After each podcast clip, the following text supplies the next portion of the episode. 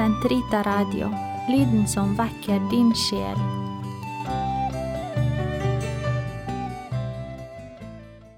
Den katolske kirkes katekisme, uke 31, torsdag 1468 til 1473.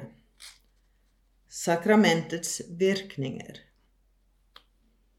Hele virkningen av boten består i å gjeninnsette oss i Guds nåde og gjenforene oss med Ham i stort vennskap. Målet med og virkningen av dette sakramentet er altså å forlikes med Gud.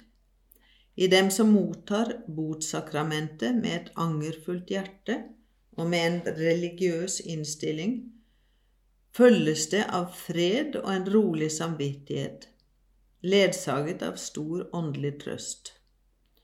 For sakramentet for forsoning med Gud fører til en sann åndelig oppstandelse en gjeninnsettelse i den verdighet og de goder livet som Guds barn gir.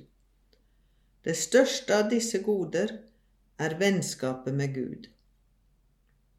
Dette sakramentet forsoner oss med Kirken. Synd setter skår i brødrefellesskapet eller bryter helt med det. Botens sakrament bøter på eller gjenoppretter det. Slik sett helbreder det ikke bare den som blir gjeninnsatt i det kirkelige fellesskap, men har også en gunstig virkning på Kirkens liv som har lidd på grunn av de synder et av dets lemmer har begått. Synderen, gjeninnsatt eller bestyrket i de helliges samfunn, styrkes av utvekslingen av åndelige goder mellom alle levende lemmer på Kristi legeme, enten de nå fremdeles befinner seg på pilegrimsvandring eller allerede er nådd frem til det himmelske fedreland. Man må huske at forsoning med Gud fører andre typer forsoning med seg som leger andre brudd synden har ført til. Den tilgitte, penitent, forsoner seg med seg selv i dypet av sitt vesen, hvor han gjenfinner sin egen indre sannhet han forlikes med sine brødre, som han på en eller annen måte har fornærmet eller såret. Han forsones med Kirken. Ja, han forsones med hele skaperverket. Ved å overgi seg til Guds barmhjertige dom i sakramentet foregriper synderen på sett og vis den dom han skal underkastes på slutten av dette jordeliv. For det er her og nå i dette liv at vi stilles overfor valget mellom liv og død. Og det er bare ved å gå omvendelsens vei vi kommer inn til det riket der alvorlig synd stenger oss ute fra. Når synderen omvender seg til Kristus ved tro og botferdighet, går han fra døden til livet, og han står ikke under dommen. Johannes 5, 24. Avlat. Avlatslære og avlatspraksis i Kirken står i nøye sammenheng med botsakramentets virkninger. Hva er avlat? Avlat er ettergivelse fra Gud av timelig straff for synder hvor skylden allerede er slettet ut.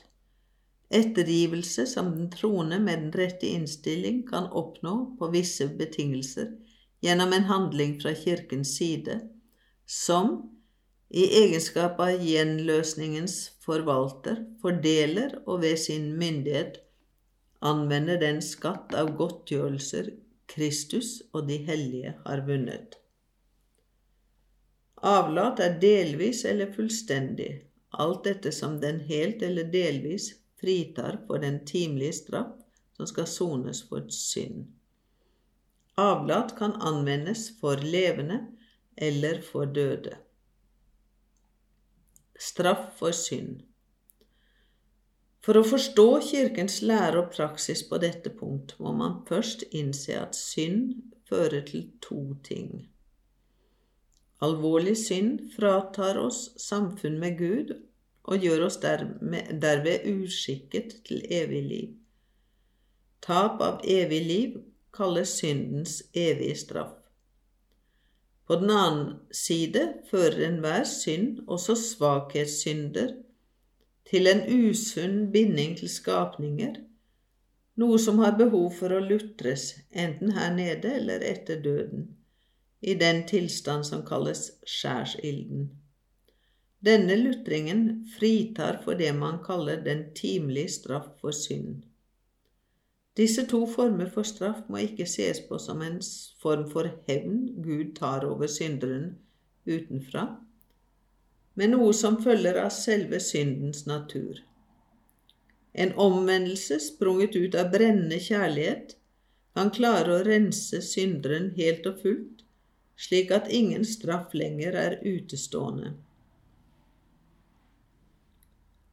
Synstilgivelsen og gjenopprettelsen av samfunnet med Gud medfører ettergivelse av den evige straff for synder.